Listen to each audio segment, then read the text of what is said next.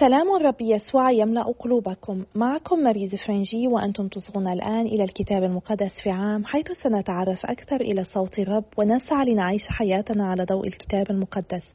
نحن مستمرون في قراءتنا من سفر التكوين إلى سفر الرؤيا. نحاول أن نكتشف قصة الخلاص وأين نحن منها. ولقد وصلنا إلى اليوم الثلاثمائة وأربعة واليوم سنقرأ الفصل السابع من سفر المكابيين الثاني والفصلين الثالث والرابع من سفر الحكمة. ومن سفر الأمثال الفصل الرابع والعشرين من الآية السابعة والعشرين حتى الآية التاسعة والعشرين. فلنبدأ بصلاتنا المعتادة. بسم الآب والابن والروح القدس إله واحد آمين. أيها الآب القدوس الذي لا يموت قدس أفكارنا ونقي ضمائرنا فنسبحك تسبيحا نقيا ونصغي إلى كتبك المقدسة لك المجد إلى الأبد آمين. سفر المكابيين الثاني الفصل السابع. استشهاد الإخوة السبعة. وقبض أيضا على سبعة إخوة مع أمهم فكان الملك يريد أن يكرههم على تناول لحم الخنزير المحرم فيعذبهم بالصياط وأطناب الثيران. وجعل أحدهم نفسه لسان حالهم فقال ماذا تبتغي أن تسألنا وأن تعرف عنا؟ إننا مستعدون لأن نموت ولا نخالف شرائع آبائنا. فحنق الملك وأمر بإحماء المقال والقدور ولما أحميت أمر لساعته بأن يقطع لسان الذي جعل نفسه لسان حالهم وأن يسلخ جلد رأسه وتجدع أطرافه على عيون إخوته وأمه. ولما أصبح عاجزا تماما أمر بأن يدنى من النار وفيه رمق من الحياة ويقلى. وفيما كان البخار منتشرا من المقلات كان الآخرون هم وأمهم يحث بعضهم بعضا أن يقدموا على الموت بشجاعة قائلين إن الرب الإله ناظر وهو يرأف بنا حقا كما صرح موسى في النشيد الذي يشهد أمام الجميع بقوله وبعبيده يرأف. ولما فارق الأول الحياة على هذا الوجه ساقوا الثانية إلى التعذيب ونزعوا جلد رأسه مع شعره ثم سألوه هل تأكل لحم الخنزير قبل أن تعاقب في جسدك عضوا عضوا؟ فأجاب بلغة أبائه وقال لا ولذلك ذاق هو أيضا بقية العذاب كالأول. وفيما كان على آخر رمق قال إنك أيها المجرم تسلبنا الحياة الدنيا ولكن ملك العالم إذا متنا في سبيل شرائعه سيقيمنا لحياة أبدية. وبعده عذبوا الثالث وأمروه فدلع لسانه لساعته وبسط يديه بقلب جليد وقال بشجاعة إني من السماء أوتيت هذه الأعضاء وفي سبيل شرائعها أستهين بها ومنها أرجو أن أستردها. فبهت الملك نفسه والذين معه من بسالة ذلك الفتى الذي لم يبال بالعذاب شيئا. ولما فارق الحياة عذبوا الرابعة ونكلوا به بمثل ذلك. ولما أشرف على الموت قال خير أن يموت الإنسان بأيدي الناس ويرجو أن يقيمه الله فلك أنت لن تكون قيامة للحياة. ثم ساقوا الخامسة وعذبوه فحدق إلى الملك وقال إنك بما لك من السلطان على البشر مع أنك قابل الفساد تفعل ما تشاء. ولكن لا تظن الله قد خذل ذريتنا. اصبر قليلا فترى قدرته العظيمة كيف يعذبك أنت ونسلك؟ وبعده ساق السادس فلما أشرف على الموت قال لا تغتر بالباطل فإننا نحن جلبنا على أنفسنا هذا العذاب لأننا خطئنا إلى إلهنا ولذلك جرى لنا ما يقضي بالعجب. وأما أنت فلا تحسب أنك تبقى بلا عقاب بعد أن أقدمت على محاربة الله. وكانت أمهم أجدرهم جميعا بالإعجاب والذكر الحميد فإنها عاينت بنيها السبعة يهلكون في مدة يوم واحد وصبرت على ذلك بشجاعة بسبب رجائها للرب. وكانت تحرض كلا منهم بلغة أبائها وهي ممتلئة من المشاعر الشريفة وقد أضفت على كلامها الأنثوي بسالة رجولية فكانت تقول لهم لست أعلم كيف نشأتم في أحشائي ولا أنا وهبتكم الروح والحياة ولا أنا نظمت عناصر كل منكم. ولذلك فإن خالق العالم الذي جبل الجنس البشري والذي هو أصل كل شيء سيعيد إليكم برحمته الروح والحياة لأنكم تستهينون الآن بأنفسكم في سبيل شرائعه. وظن أنتياخس أنه يسخر به ورأى في هذا الكلام إهانة فأخذ يحرض بالكلام أصغرهم الباقية بل أكد له بالقسم أنه يغنيه ويسعده إذا ترك سنن أبائه ويتخذه صديقا له ويقلده المناصب إلا أن الفتى لم يصغ لذلك البتة. فدعا الملك أمه وحثها أن تشير على الفتى بما يؤول إلى خلاصه وألح عليها كثيرا حتى قبلت بإقناع ابنها.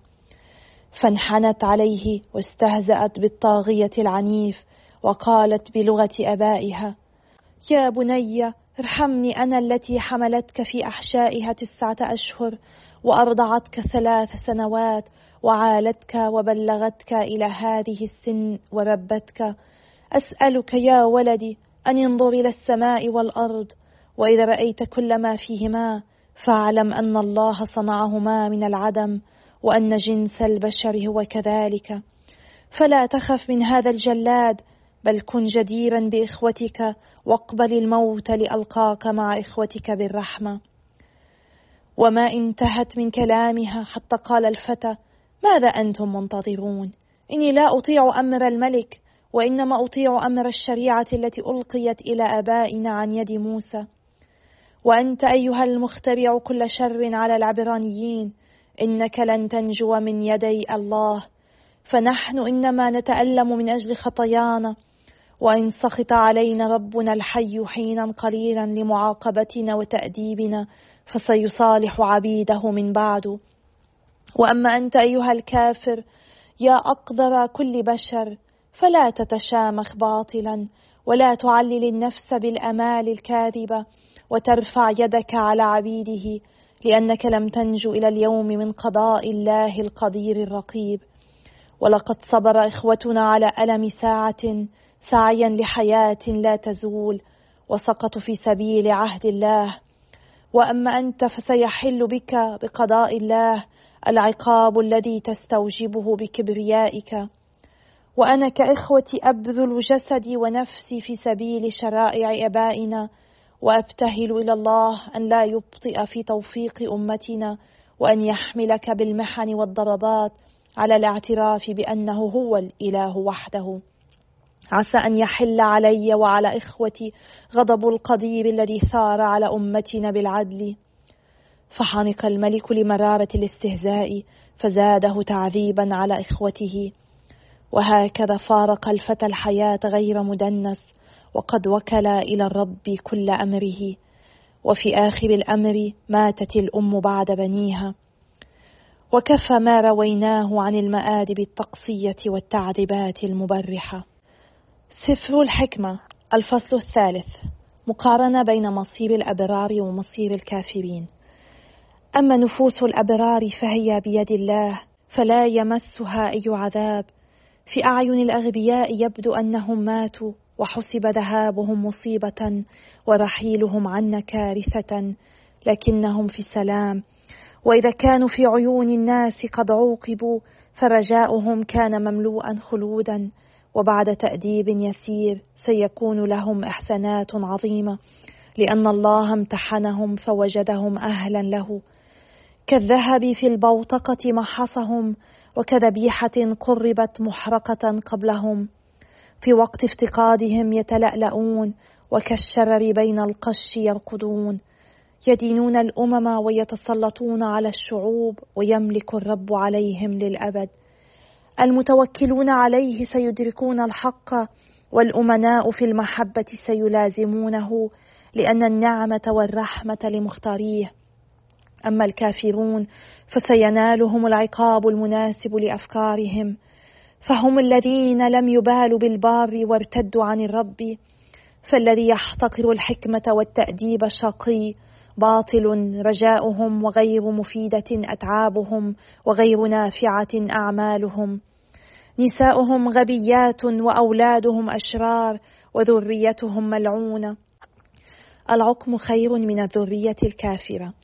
ولكن طوبى للعاقب التي بلا دنس والتي لم تعرف مضجع الخيانة فإنه سيكون لها ثمر عند افتقاد النفوس.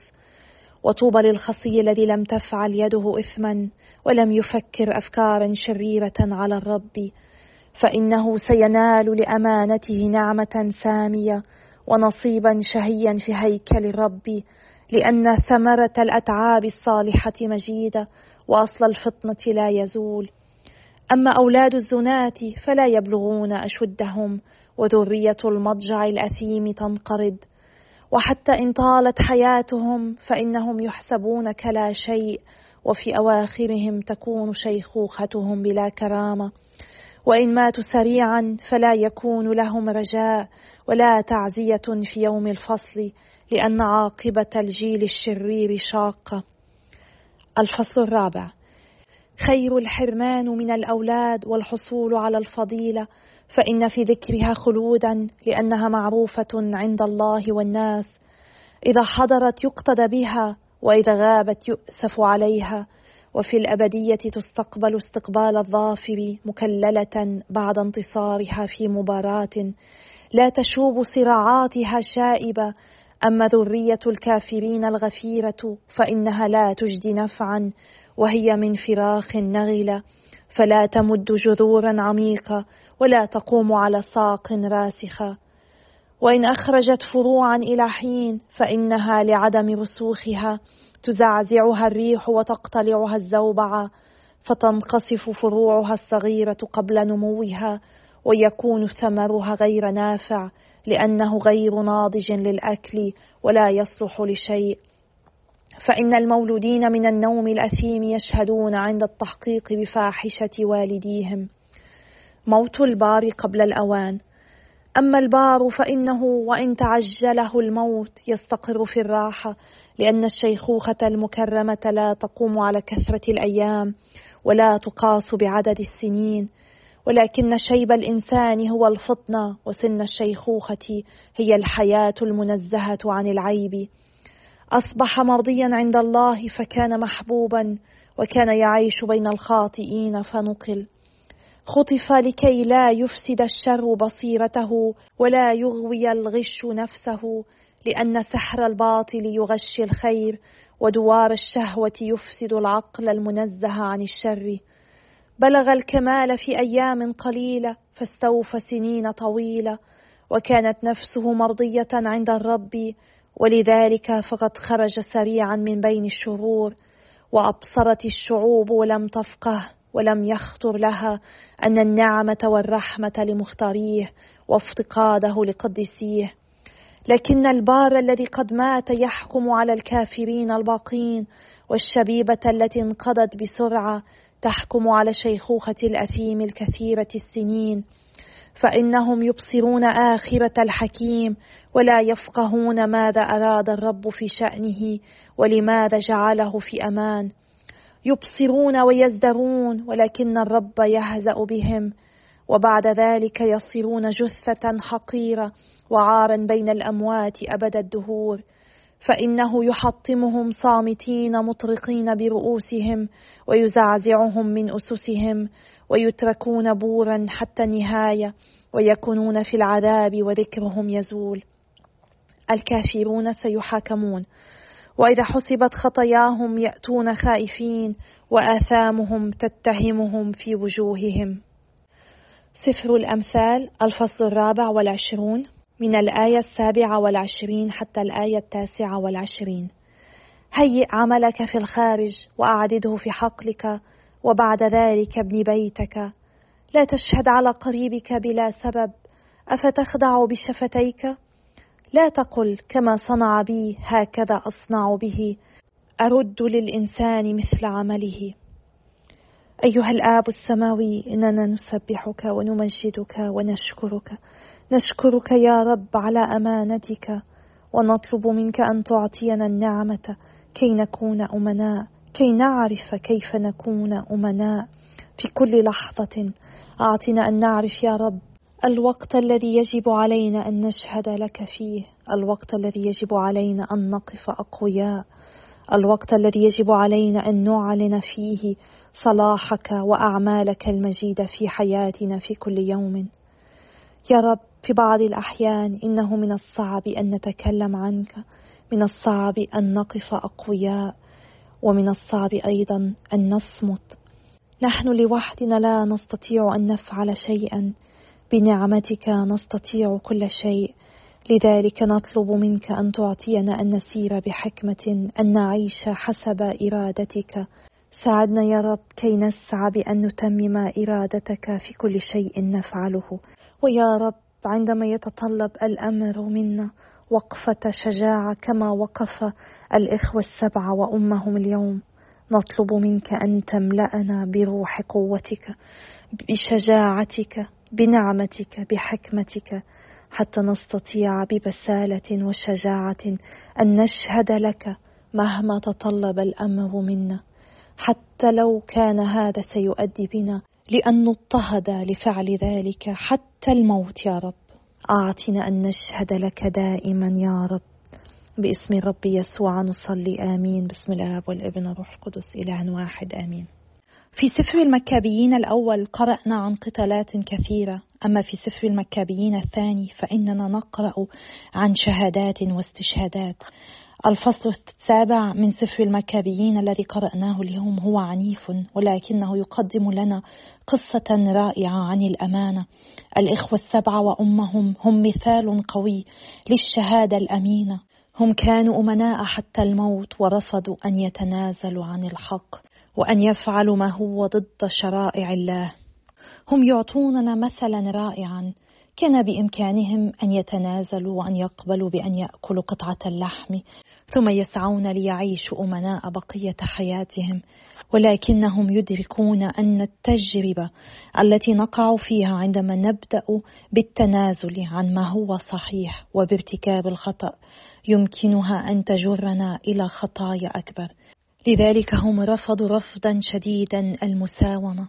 هم لم يقبلوا بأي تسوية مذلة. قرروا أن يشهدوا للحق حتى لو كان هذا سيكلفهم حياتهم وهذا حقا ما حدث. وكانوا هم قادرون على الموت بكل ثقة مدركين أن الموت في هذه الحياة ليس هو النهاية. كل واحد منهم الإخوة السبعة وأمهم كانوا يتقدمون للشهادة واثقين برجاء بالقيامة. أحدهم قال خير أن يموت الإنسان بأيدي الناس ويرجو أن يقيمه الله فلك أنت لن تكون قيامة للحياة. هم كانوا واثقين بأن الكلمة الأخيرة هي للرب الذي يستطيع أن يقيم الموتى كان لديهم إيمان بقيامة الأموات بحياة بعد الممات. هذا الأمر لم نسمع الكثير عنه في كتب الكتاب المقدس العهد القديم. ولكننا ندرك من كتب العهد الجديد أن القيامة من بين الأموات كان موضوع خلاف بين الفريسيين والصدقيين الصدقيين لم يؤمنوا بقيامة الأموات عكس الفريسيين. للأسف نحن في عالمنا اليوم قد نكون محاطين بأشخاص كثيرين لا يظنون بأي شيء بعد هذه الحياة. يعيشون كل يوم من حياتهم وكأن الموت هو النهاية بدلا من أن يكون بداية الحياة الجديدة التي نحن موعودون بأن نعيشها إذا سلكنا بأمانة مع الرب. أو إذا لا سمح الله يكون بداية هلاك أبدي إذا رفضنا أن نقبل الرب ونسير معه. إن هناك أكثر من هذه الحياة الفانية على هذه الأرض. سفر المكابيين الثاني وكتاب الحكمة يؤكدان لنا أن الله هو أعطانا هذا العالم وأنه جيد ولكن هذا العالم ليس موطننا النهائي. نحن حجاج على هذه الأرض في مسيرتنا نحو الملكوت السماوي حيث ذهب الرب يسوع كما وعدنا ليعد منزلا لنا إذا ثبتنا وسرنا معه.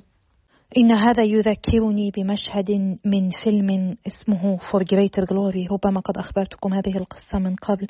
أنا غالبا أتذكر مشهد الطوباوي الشاب خوسيه سانجاز الذي تحمل عذابات كثيرة ورفض أن يخبرهم أين كان المسيحيون يختبئون.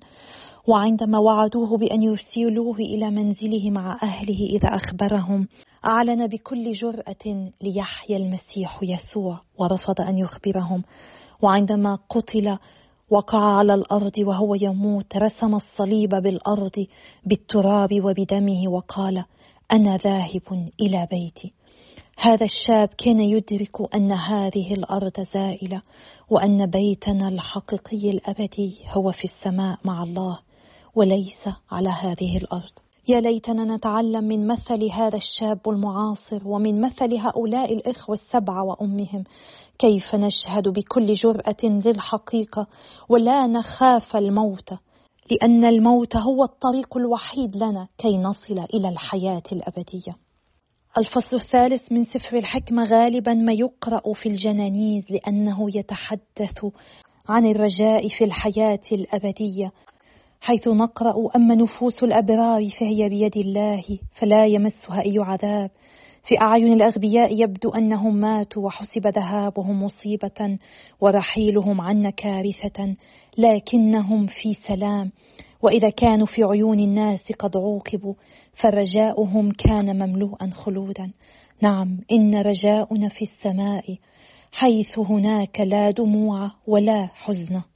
ويتابع ويقول وبعد تأديب يسير سيكون لهم إحسانات عظيمة لأن الله امتحنهم فوجدهم أهلا له. وفي هذا إشارة إلى التطهير بعد الموت أي إلى المطهر كما يسميه الإيمان الكاثوليكي. هم نالوا عقابا لفترة بسيطة ولكنهم الآن يملكون مع الرب يعيشون معه في مجده حيث لا عذاب وحيث يسود السلام. إن قلوبنا متعلقة بأمور كثيرة في هذه الحياة وعلينا أن نتخلى عنها حتى نستطيع أن ندخل الحياة الأبدية. لذلك الله يسمح لنا أن نتطهر منها في المطهر حتى نصبح مستعدين للسماء. ولاحقا سنقرأ في سفر المكابيين الثاني في الفصل الثاني عشر أكثر عن المطهر عن هذا التطهر بعد الموت. في الآية السادسة من الفصل الثالث نقرأ كالذهب في البوتقة محصهم وكذبيحة قربت محرقة قبلهم. ثم في الآية السابعة في وقت افتقادهم يتلألؤون وكالشرر بين القش يرقدون. والفصل الرابع من سفر الحكمة يقول إنه من الأفضل أن يموت الشاب بارا من أن يعيش حياة طويلة كشخص غير بار كشخص خاطئ لأنه مجددا يحاول التركيز على ما بعد هذه الحياة. هناك أكثر بكثير من مجرد الحياة على هذه الأرض. وكلمة الرب وخاصة ما قرأناه اليوم يذكرنا بذلك لأنه علينا أن نعيش كل لحظة من حياتنا على استعداد دائم للحظة موتنا وانتقالنا إلى الحياة الثانية. كل ما لدينا على هذه الأرض هو هدية من الله. كي نستعمله ونسير مع الرب ونعيش بحسب وصاياه وبهذه الطريقة نكون مستعدين للموت والانتقال من هذه الحياة إلى الحياة الأبدية الحياة مع الرب يسوع حيث لا دموع ولا حزن بل سلام وفرح دائم. فلنصلي من أجل بعضنا البعض كي يزيد رجاؤنا في السماء. وكي نسعى في كل لحظة من حياتنا أن نختار ما يقربنا من الله أن نختار الله ولا نركز على طول عمرنا ولا على نجاحاتنا بل على الخيارات التي تعطينا فرصة كي نستعد أكثر للحظة وفاتنا وانتقالنا من هذا العالم إلى العالم الثاني. يا لها من عطية رائعة كل هذه القراءات التي نقرأها وتعطينا فرصة كي نتعرف على الرب الذي يحبنا ويريدنا أن نمضي الأبدية معه. فلنستمر بالصلاة من أجل بعضنا البعض. أنا أصلي لأجلكم وأتشكركم على صلواتكم وإلى اللقاء غدا يوم آخر إن شاء الله.